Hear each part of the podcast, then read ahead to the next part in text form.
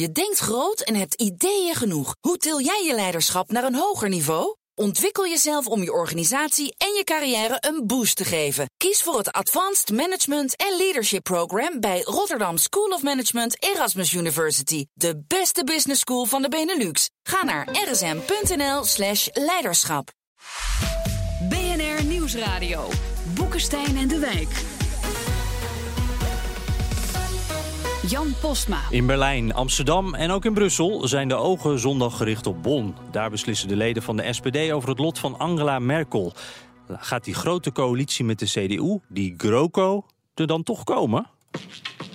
GroKo oder No GroKo? Ja, wer stolpert in die Krise rein, Wir schaffen steht das. in Europa ganz allein. Wir das haben ist die so vieles geschafft.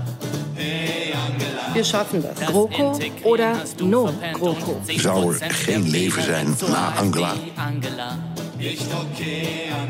Angela. Merkel is Auf nog den niet Tisch. weg. Nein, mit der Faust. Wenn der Horst nicht will, dann schmeiß ihn raus, mach ihn so Frikassee, Angela. Wir schaffen das.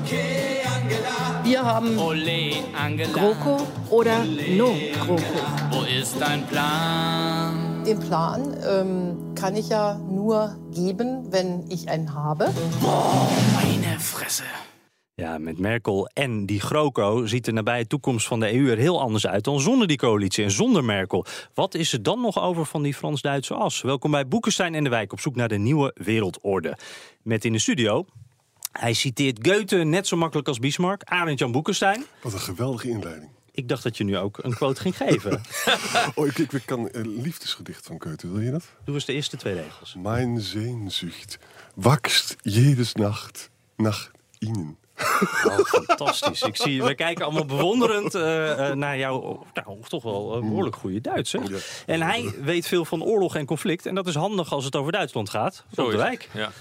En de titel van zijn boek is... We kunnen niet allemaal Duitsers zijn. En dat klopt natuurlijk. Maar we zijn er wel even dichtbij geweest, toch Wouter Meijer? Nou ja, er was een tijd, dat is alweer een paar jaar geleden, dat we met veel bewondering keken naar Duitsland. Eh, politiek stabiel, terwijl Nederland verschrikkelijk in de war was en er nieuwe partijen en mensen kwamen. En we dachten, kunnen wij dat niet ook? Er waren zelfs mensen die zeiden, kunnen wij niet de zeventiende deelstaat worden? Ja. Duitsland kwam ook veel sneller door de economische recessie en kwam snel, veel sneller uit dat dal. Dus iedereen dacht. Het, en ik was, ik was in die tijd correspondent in Berlijn, dus de meest gestelde vraag was altijd: kunnen wij dat ook doen? Hoe doen ze dat? En Ja. kunnen we daar niet wat van leren? Ja, Arend Jan die fluisterde mij dus in. Maak een oorlogsgrapje. Dat is vast leuk. Maar je, je praat er gewoon overheen. Je denkt, dat doen we niet meer. Nee, oorlogsgrapjes zijn, zijn niet grappig. eh, en die worden ook in Duitsland veel minder gemaakt. Dat, kijk, Ja, dat snap ik wel, dat ze daar wat minder worden gemaakt. Men, Ja. men denkt altijd dat je Duitsland niet mag lachen om de oorlog. Dat, dat mag al lang al. Dus daarmee is de Ah, angel er ook uit. Er zijn satire, eh, stripboeken over Hitler. Dus dat, dat is nu geweest, denk ik. Ja, er is wie er daar en eh, eh, we zijn het allemaal alweer voorbij. Maar goed, laten we eens naar het nu kijken, eh, Wouter. Waar staan we nu? Zondag is de dag, maar wat gaat er dan gebeuren?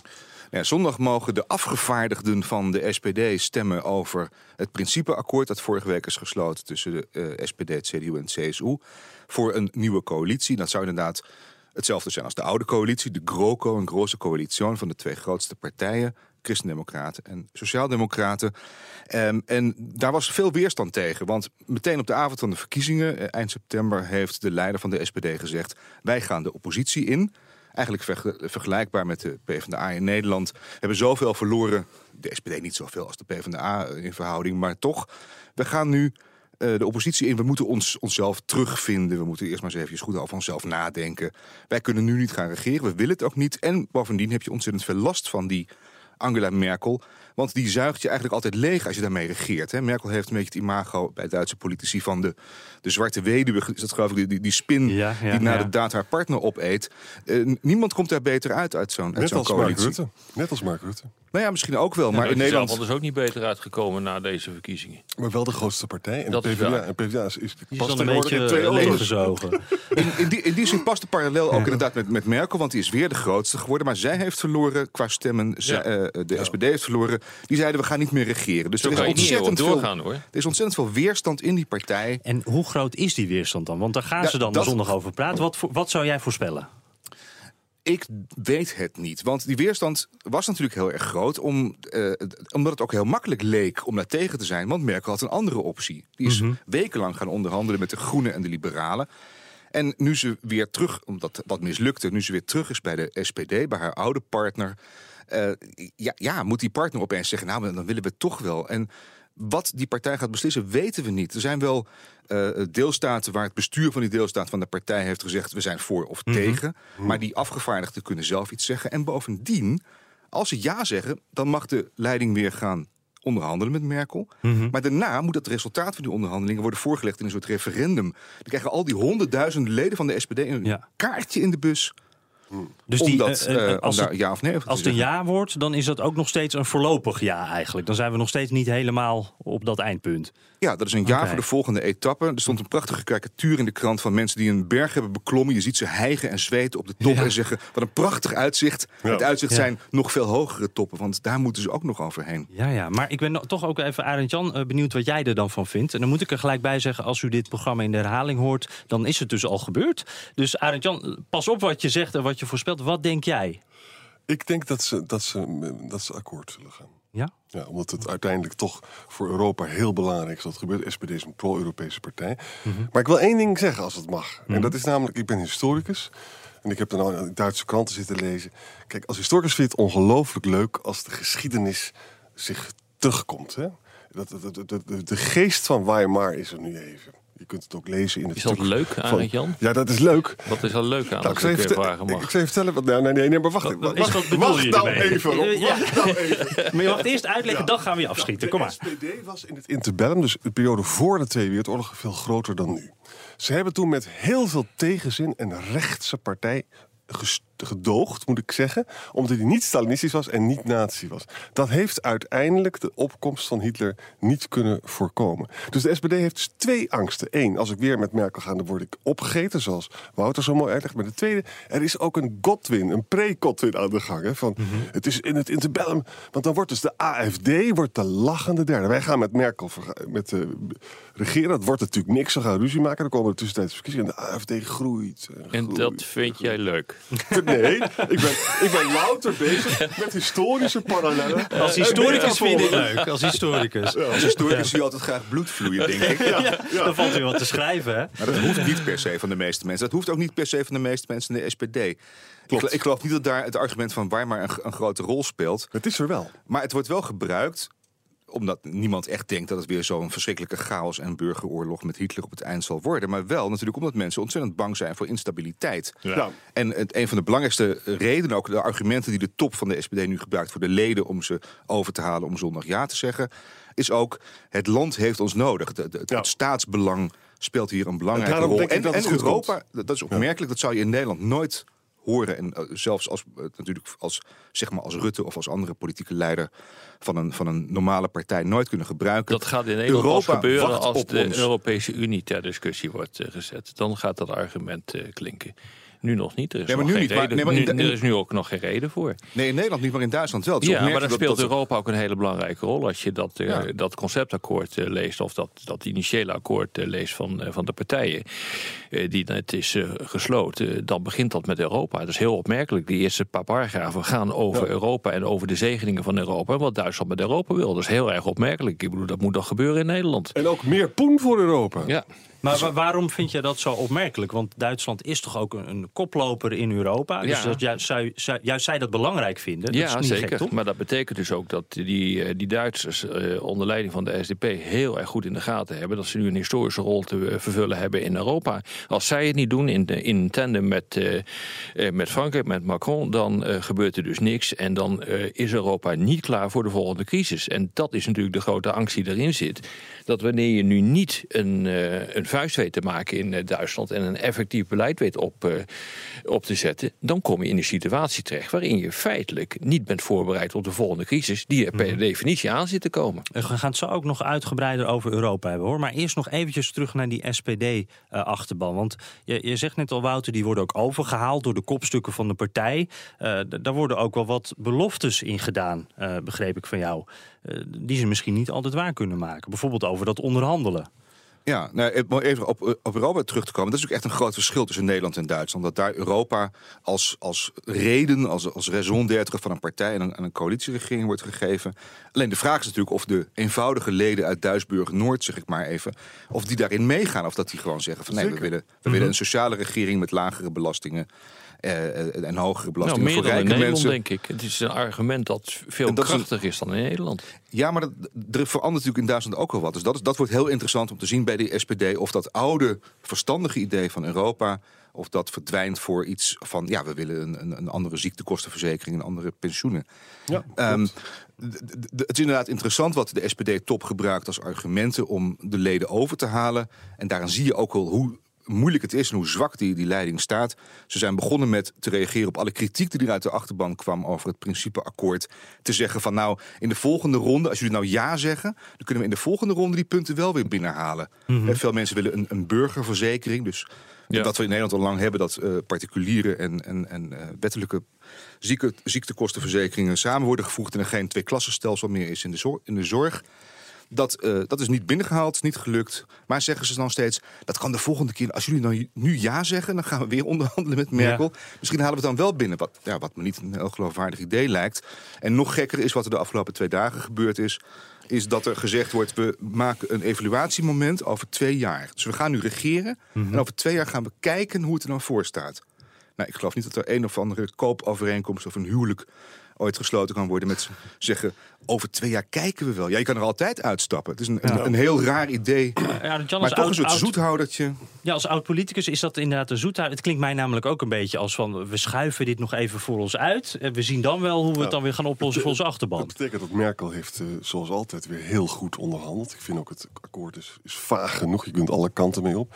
Overigens, ik ga als... eh, Ja, nee, oud- ja, maar je koopt gewoon tijd. Ja, Als je dus dit doet, dan kun je tegen je achterman zeggen... moet je horen van, eh, je zegt nu eh, ja, maar je zegt voorwaardelijk ja. Want je hebt altijd nog de mogelijkheid om eruit te stappen. Dat is natuurlijk een waarheid als een koe, want je kunt altijd uit een coalitie stappen. En overigens, wat belangrijk is, eh, dat is le- leuk uit de mond van een oud VVD'er.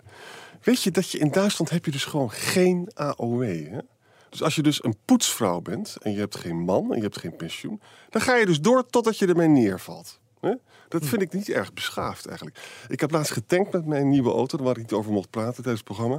Dit is een veel te en dure man- auto, dus die zouden we niet noemen. die man- Wij komen hier op de fiets, Ja, maar goed. Die man had een baan van het Hartz 3-akkoord. Weet je wat die kerel verdient?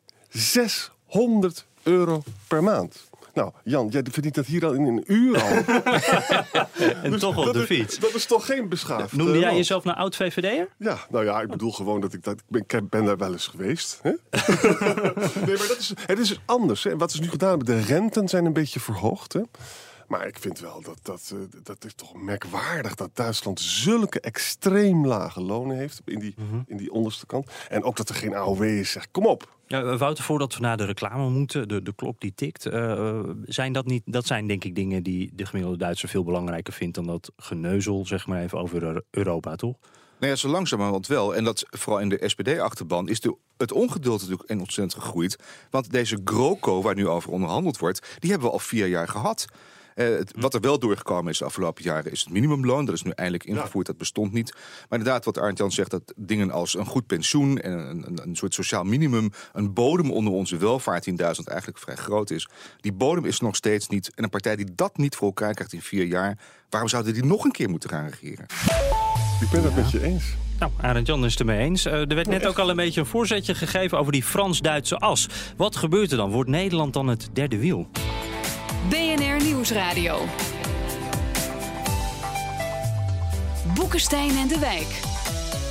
Op zoek naar de nieuwe wereldorde. Dit is Boekenstein in de Wijk. En dat programma is natuurlijk niet zonder Arend Jan Boekenstein en Rob de Wijk. Mijn naam is Jan Posma en de gast is oud-Duitsland-correspondent eh, voor de NOS, Wouter Meijer. En dat komt goed uit, want we hebben het ook over Duitsland. Dus dat is toch een hele goede match. We hebben het net al een beetje zo over het ja gehad. eh, met nog heel wat andere dingen. Maar dat nee, hè. Stel nou dat die SPD-achterban nee zegt. Wat gebeurt er dan? Ja, dan komt er geen coalitie tussen de SPD en de partij van Merkel.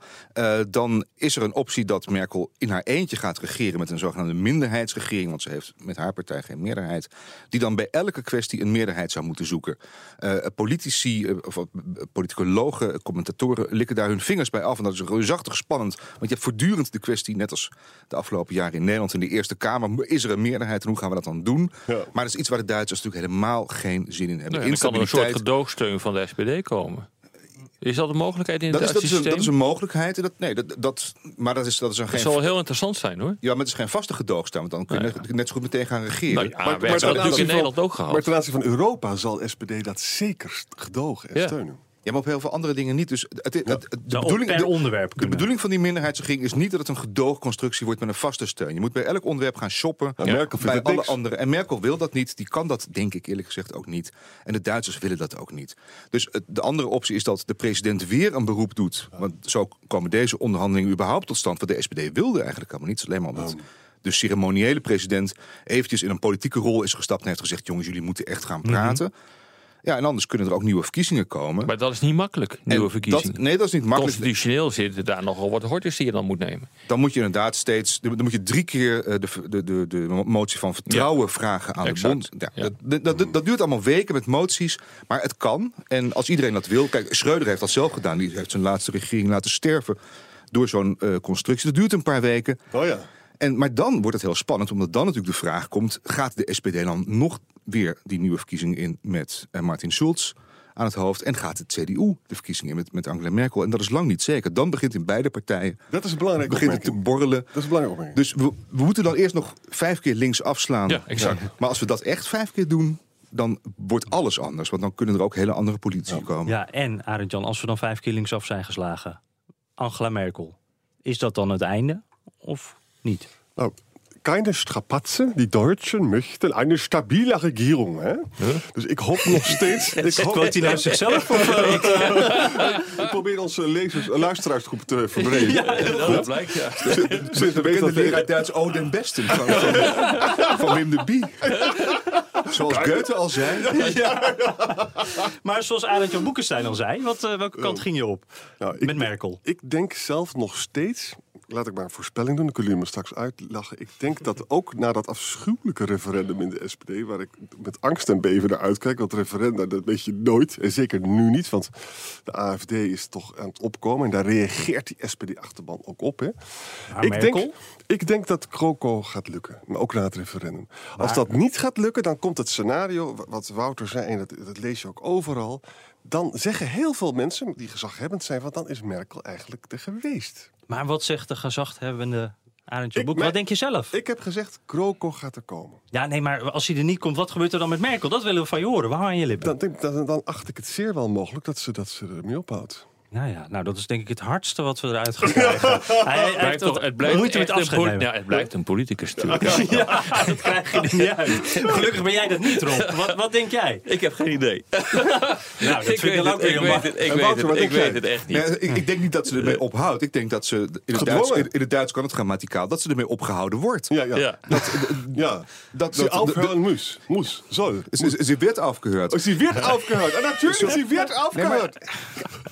wird Nee, aufgehört. maar het, d- d- dat, kan, dat kan moeilijk anders. Kijk, ze, ze was de machtigste vrouw van Europa, Ja. jarenlang. Maar als Ja. zij het niet voor elkaar krijgt om die, die kabouters, zoals ze ze in de Oh, ja. CDU, CSU noemen. Het, het gedoe in de SPD heet ook de Zwergenaufstand. Die De- De, de, de ah, ja. opstand van de dwergen. Als, als Merkel er niet in slaat, als Sneeuwwitje, om haar zeven dwergen weer in de, in de kruiwagen te krijgen. Weer in een snelkookpan met een deksel erop. Dan, dan kan ze dat blijkbaar niet. En dan is ze blijkbaar haar dat, en magie. wat gaat dat voor Europa betekenen?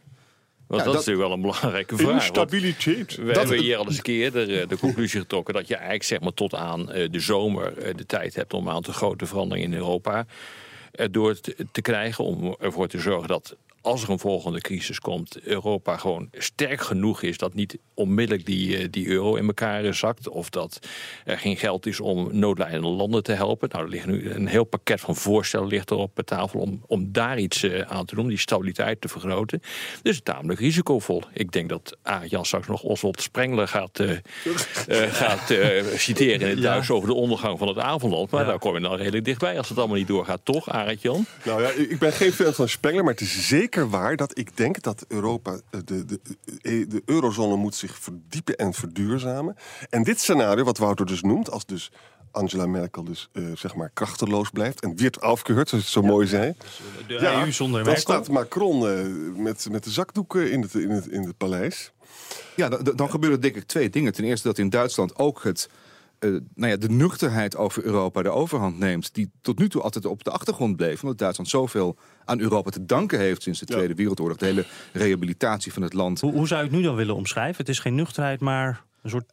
Ja. Het is nu een ontzettende positiviteit. Europa is goed. Ja. Aan, aan Europa Ja. heeft Duitsland zijn hele rehabilitatie na de oorlog te danken. En ook het goede gevoel wat veel mensen in Europa hebben over Duitsland. Ja. Dat wij dat ook allemaal zo'n fijn land vinden.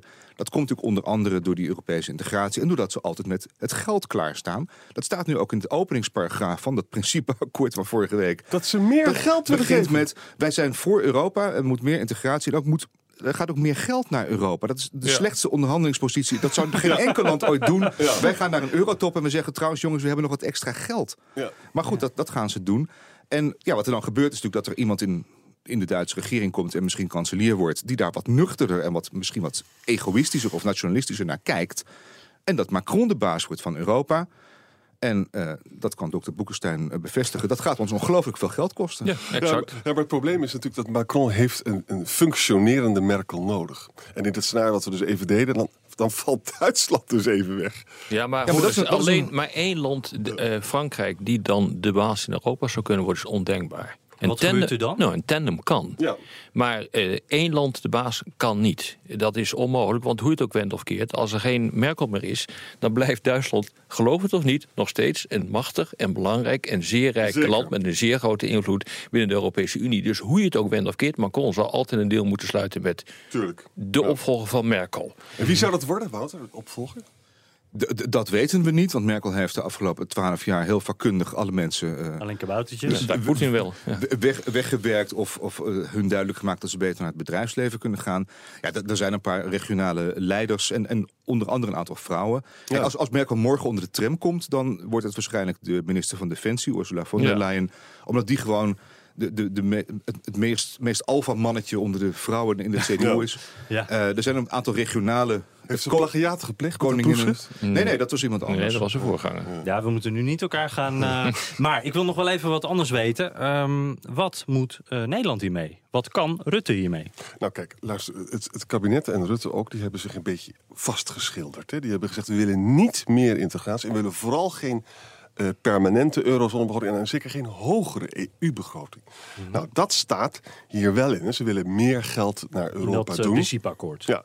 er staat overigens met geen, eh, geen letter wordt er gesproken over schuldendeling. Het idee dat je dus alle Europese nationale schulden op één hoop gooit. Hè. Dat zou ook. dan zou Rutte uit zijn torentje knallen als hij dat had gelezen. Overigens ook Macron in zijn toespraak heeft die schuldendeling nooit genoemd.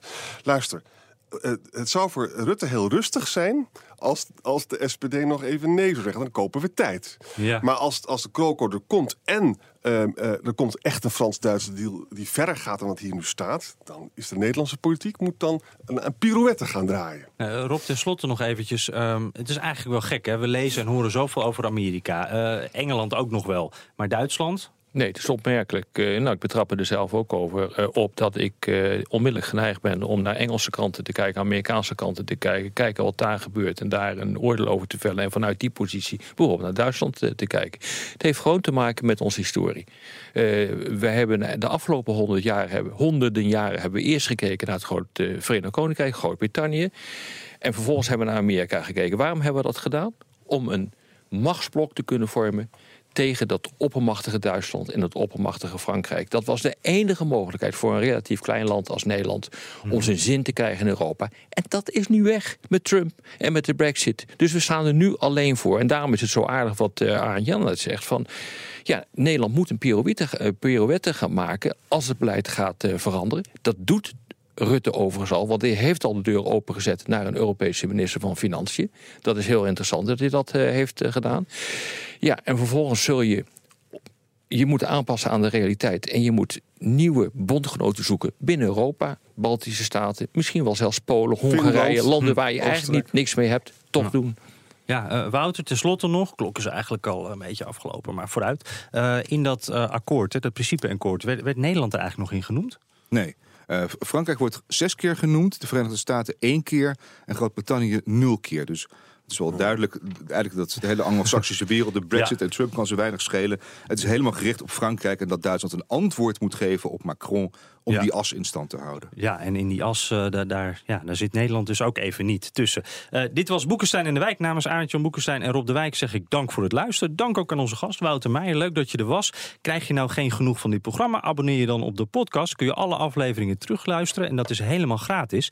En laat een recensie achter in iTunes. Dan zijn wij makkelijker vindbaar voor onder, eh, onze luisteraars. Arend-Jan, Absoluut. hij is het weer vergeten. Oh god, ik moet... Hij- hij heeft een paar recensies ja. voor zich. Ja, Ach, ik, ik heb dus he- er zijn een heleboel recensies waarin ge- gezegd dat Ja. Boekenstein weg moet en zo, maar die lees ik dan maar Die- niet nee, voor. die laten we even. Waarom niet eigenlijk? Topshow. Heerlijk luistermoment. Iedere week weer een fijn, fijn om de achtergronden bij het nieuws te horen. Van meneer Obi-Wan Kenobo. Die bestaat vast helemaal en, en nog eentje. Realistische blik op de wereldpolitiek. De sturende rol van Jan tussen deze mastodonten is van groot belang. Door Bas Dirks. Dat Bas is vast Dirks. een vriendje van jou. Hè? Die Dat gaat- is toevallig een. eh, ja. ja, een, eh, ja. Eh, dank eh, voor de co- coalitie in deze studio. GroKo oder No GroKo. Ja, no GroKo. Wij gaan weekend vieren en dat doen we lekker ieder voor onszelf, toch? Tot volgende week. Ja. Je denkt groot en hebt ideeën genoeg. Hoe til jij je leiderschap naar een hoger niveau? Ontwikkel jezelf om je organisatie en je carrière een boost te geven. Kies voor het Advanced Management en Leadership Program bij Rotterdam School of Management Erasmus University. De beste business school van de Benelux. Ga naar rsm.nl slash leiderschap.